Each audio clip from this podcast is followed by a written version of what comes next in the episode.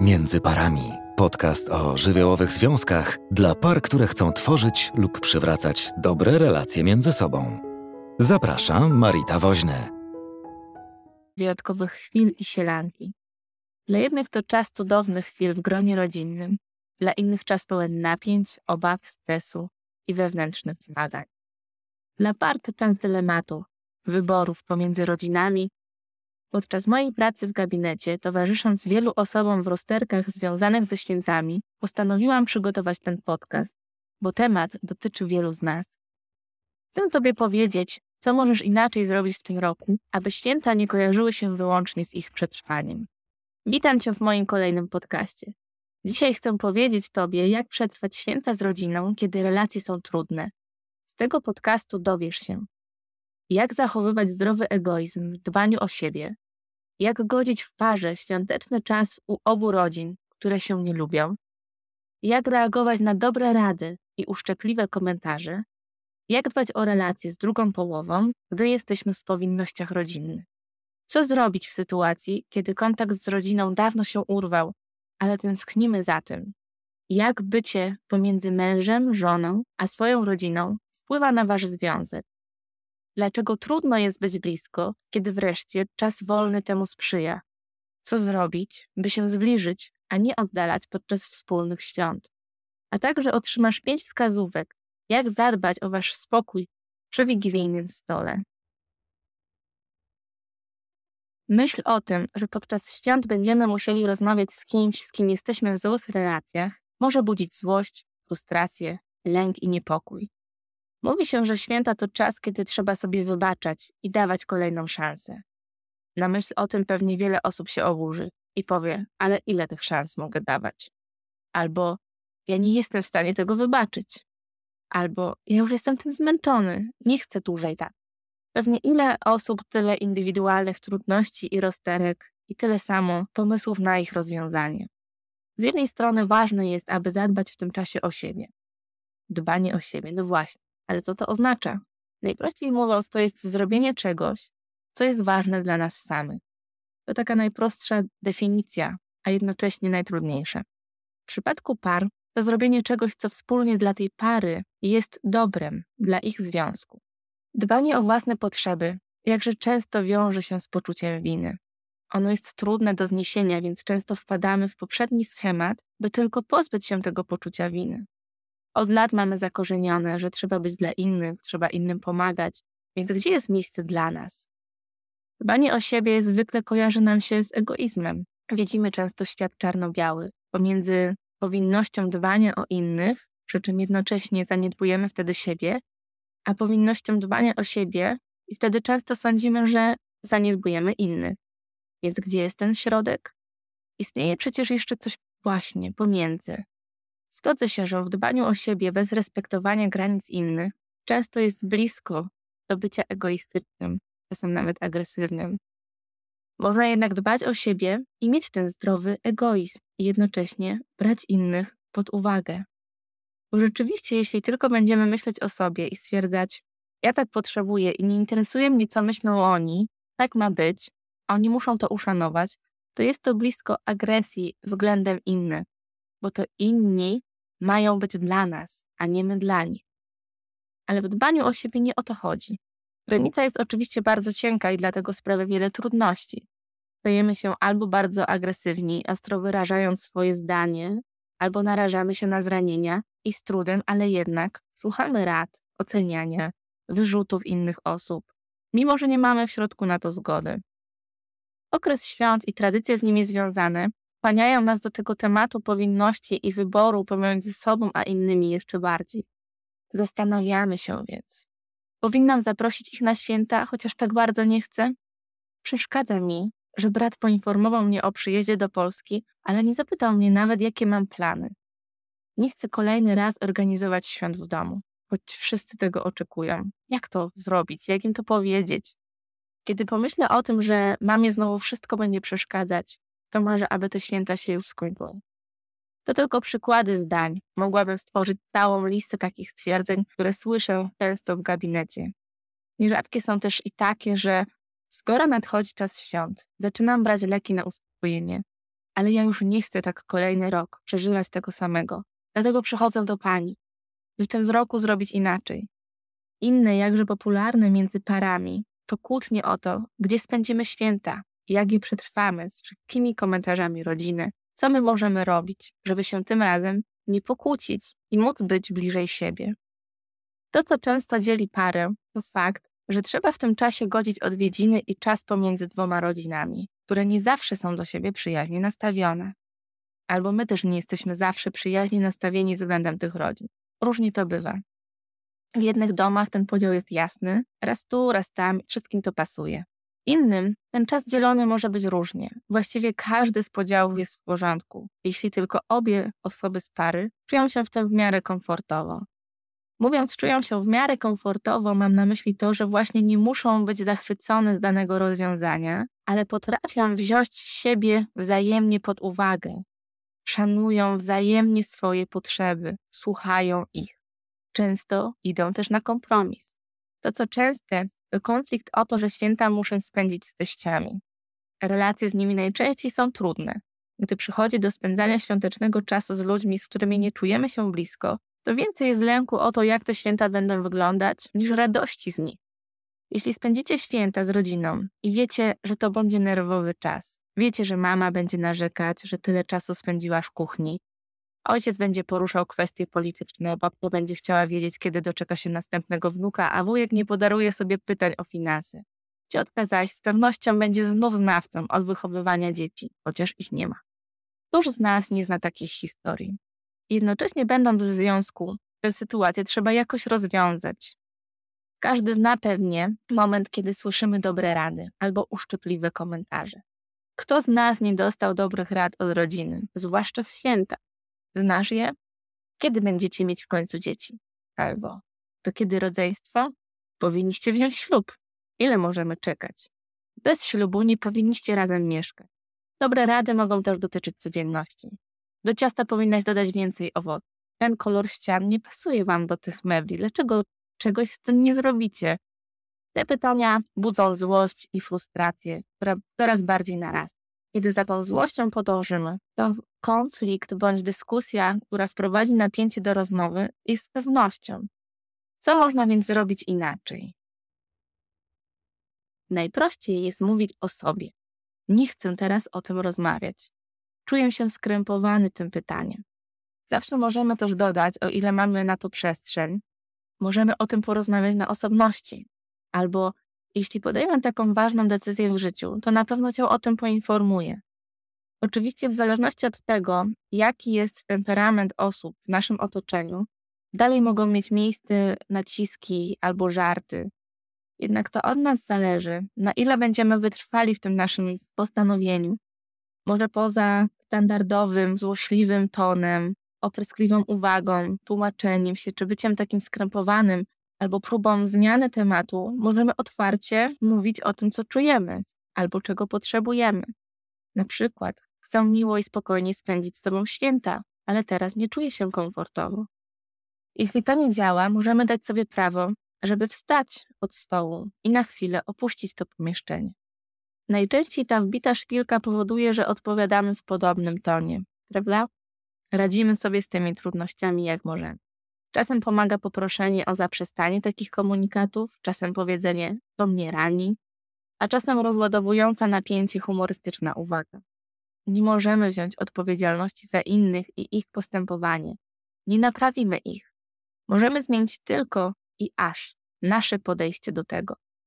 W obliczu świąt mamy problem nie tylko z tym, że święta spędzimy najprawdopodobniej w trudnej atmosferze, bo napięcie, które wszystkim towarzyszy z bycia razem sprawia, że zamiast radosnego czasu budują się konflikty.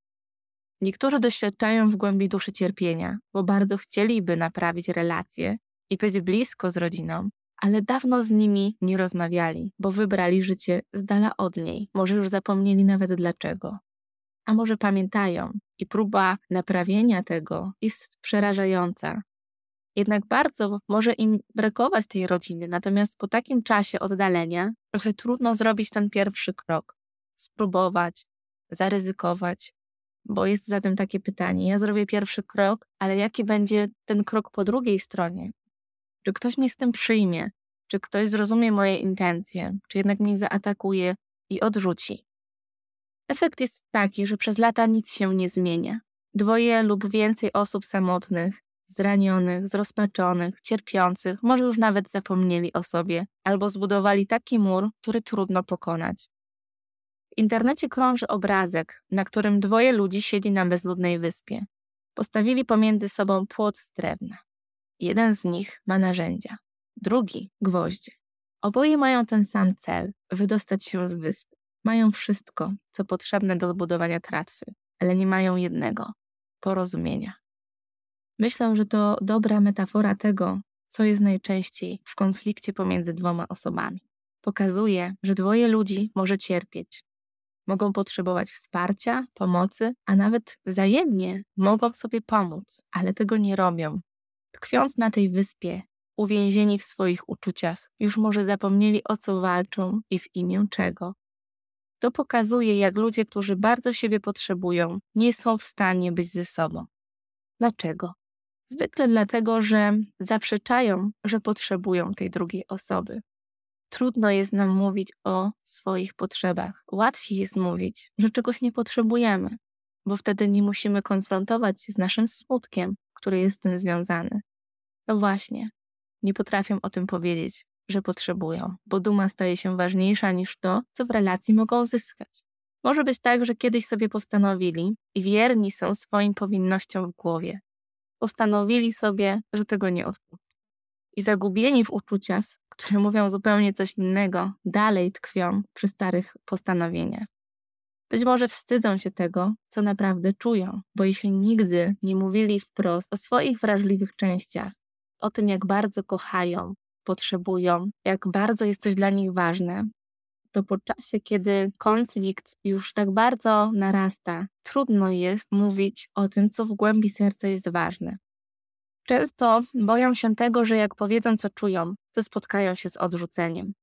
I wierzą, czasem pozornie, że sami dadzą sobie radę, bo tak się kiedyś nauczyli. I z jednej strony pewnie to prawda, bo jeśli ktoś większość życia dawał sobie radę sam, to dlaczego miałby nie dawać sobie rady teraz? Ale w tym byciu silnym, w tym mówieniu sobie, muszę dać radę, tak naprawdę mówimy sobie, nie mogę potrzebować. Często zdarza się też tak, że wolą mieć rację, niż mieć tę relację. A gdyby tak, w tym roku, przygotować się na te święta inaczej, co można by było zrobić?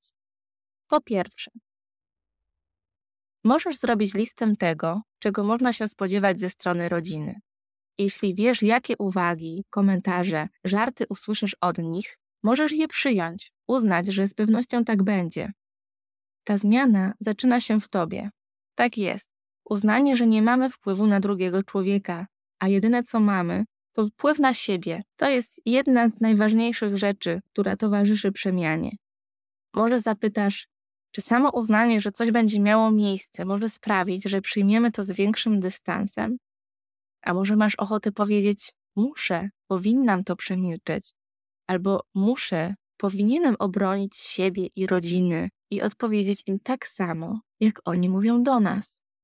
Tylko czy to coś zmienia, zwłaszcza w święta? Jeśli przez cały rok ten człowiek zachowuje się podobnie, to jak myślisz, jakie jest prawdopodobieństwo, że w tych świątecznych dniach zachowa się inaczej. A tym bardziej, jakie prawdopodobieństwo jest, że od Twojego komentarza, jakiejś riposty, tłumaczenia zmieni swoje zachowanie. Musimy sobie uświadomić, że nie mamy takiej mocy, by zmieniać swoich najbliższych, choć czasem wydaje nam się, że jest zupełnie odwrotnie. Czasem wydaje nam się, że wystarczy tylko powiedzieć coś w inny sposób, innymi słowami, po prostu ich przekonać. Niestety, musimy się pogodzić ze swoimi ograniczeniami w tym zakresie. Po drugie, zastanów się, co byłoby najzdrowsze dla ciebie i twojej drugiej połówki. Co przyniosłoby wam spokój podczas świąt? Co sprawiłoby, żebyście mogli oszczędzić sobie kłótni? Może jest coś, co chcecie zrobić tylko dla siebie i waszej relacji. Może od dawna marzycie o tym, by spędzić ten czas tylko ze sobą i z dziećmi, bez rodzinnego zgiełku, a jedyne, co was powstrzymuje, to właśnie powinności i poczucie winy.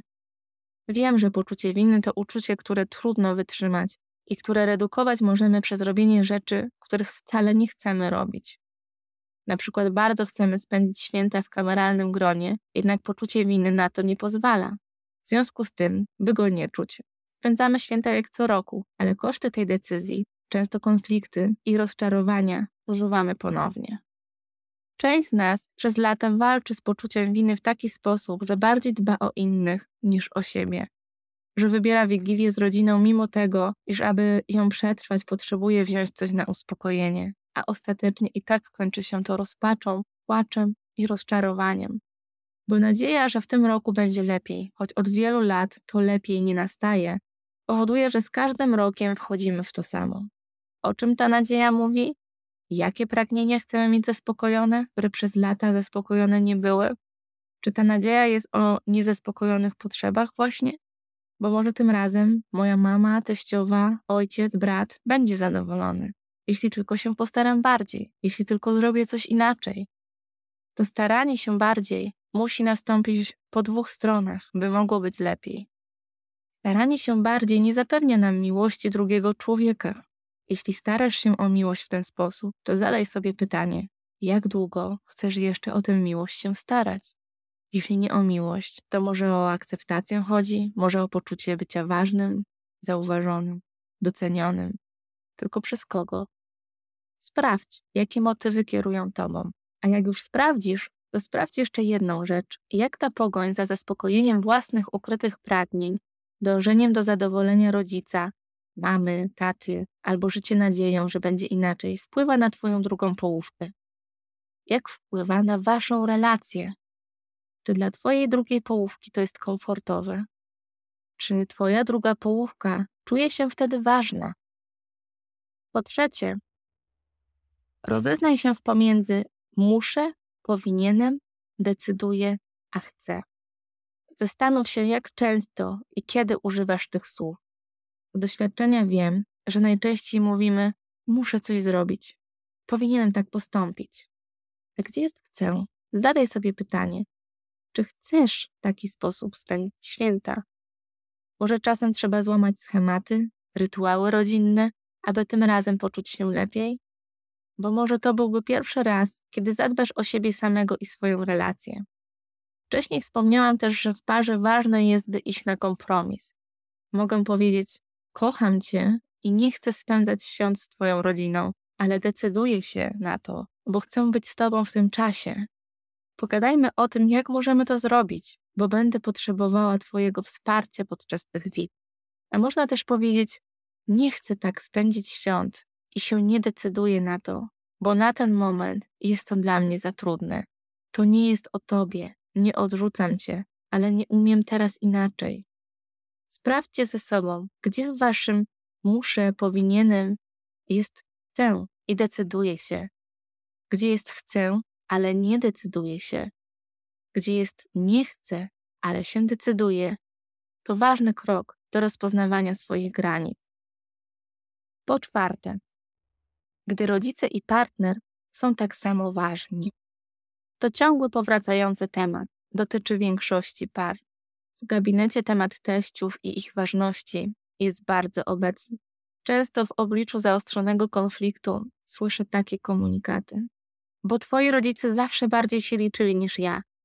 Zawsze musieliśmy spędzać święta z nimi, nigdy nie zgodziłeś się, abyśmy byli sami, choć zawsze o to prosiłam. Rozkazy twojej mamy powodują, że nie czuję się tam najlepiej, ale jeździłam tam, bo tego chciałeś. Przychodzi taki żal, że ktoś się poświęcał dla drugiego, albo ten drugi nie słyszał, jak trudne to było dla tego pierwszego. Te komunikaty często też dotyczą właśnie świąt. Są o tym, że rodzina pochodzenia była ważniejsza niż ta, którą tworzymy. Słysząc to w obliczu często czyhającego rozstania, zaczynają dopiero rozumieć, że to nie było tego warte i że nie wiedzieli, że tak to wpływało, bo może słyszeli, ale nie słuchali uważnie. Na tamten moment nie byli w stanie tego przyjąć. Zachęcam więc do zastanowienia się teraz i w każdej innej sytuacji, a nie dopiero wtedy, gdy czyha rozstanie. Kto jest dla ciebie ważniejszy? Twój mąż, żona czy twoi rodzice? Jaka jest hierarchia? Bo jeśli chce się budować coś razem, to jednak nikt inny nie może być ważniejszy od Was. Po piąte, jeśli od dawna nie masz relacji, na której Ci zależy i chcesz coś naprawić, to dobry czas, aby spróbować, by mieć pewność, że ze swojej strony zrobiło się wszystko, że zrobiło się te 50%, by tą relację naprawić. Czasem potrzebujemy do tego kogoś, kto nam pomoże odkopać się z żalu, złości, które uniemożliwiają spokojną, rzeczową rozmowę. I warto to wsparcie brać. Masz taką osobę? Przychodzi ci ktoś do głowy, z kim mógłbyś o tym porozmawiać i sprawdzić, jak mogłoby być to w tym roku? Temat świąt, niby tak powszechny, a jakże skomplikowany. Jest tak zawsze, gdy sprawa dotyczy tak wielu osób. Jak słyszysz, konfiguracji trudności i rozwiązań jest wiele. Dlatego tak ważne jest, aby podejść do tego indywidualnie, aby zastanowić się, jak to jest u mnie, jak to jest u mojej drugiej połowy, co to wszystko oznacza dla nas, co możemy zrobić, aby nie stracić tego, co najistotniejsze siebie, siebie nawzajem i siebie samego w relacji. Zbliżając się już do końca podcastu, chcę jeszcze poruszyć ważną kwestię dotyczącą bliskości w parze. Święta spędzamy ze sobą wiele czasu. To może być czas konfliktów i próba nadrabiania wspólnego czasu, którego na co dzień nam brakuje. Czasem intensywność bycia razem sprawia, że orientujemy się, iż nie umiemy już być ze sobą przez tak długi czas, choć wydawało się, że brakuje czasu razem. Kiedy w życiu codziennym pochłonięci jesteśmy pracą, codziennymi obowiązkami, byciem rodzicem, to bardzo często brakuje czasu na małżeństwo, na romantyczne relacje. Kiedy przychodzi moment, że ten wspólny czas można mieć, to okazuje się, że jest trudno.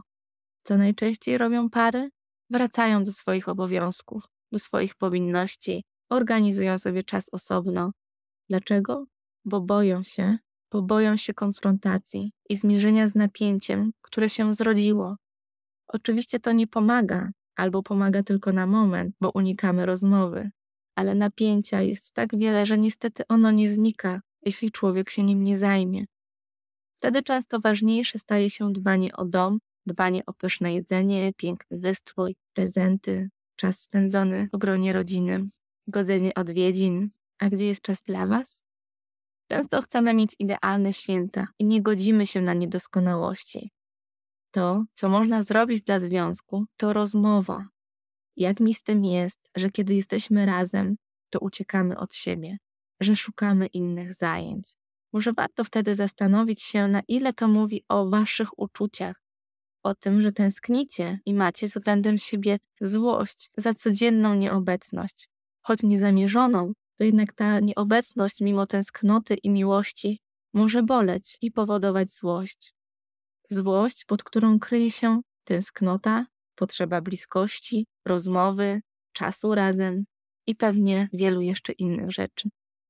Jednak łatwiej jest się złościć niż przyznać, jak bardzo kogoś potrzebujemy.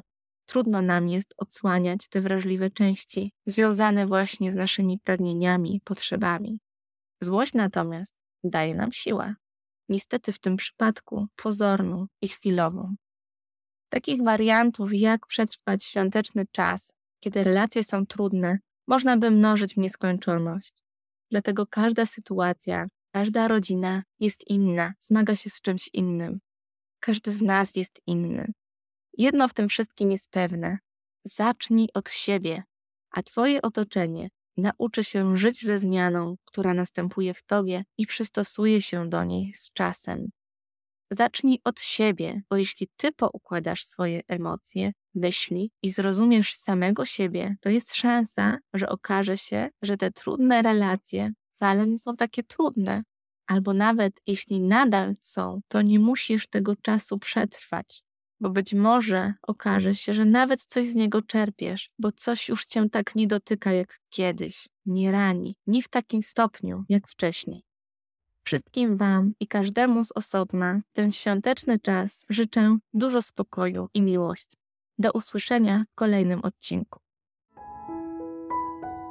Jeśli chcesz posłuchać innych odcinków na temat psychologii związków, zajrzyj na międzyparami.pl. Jeśli masz propozycję tematu na kolejny podcast, wyślij wiadomość przez formularz na stronie.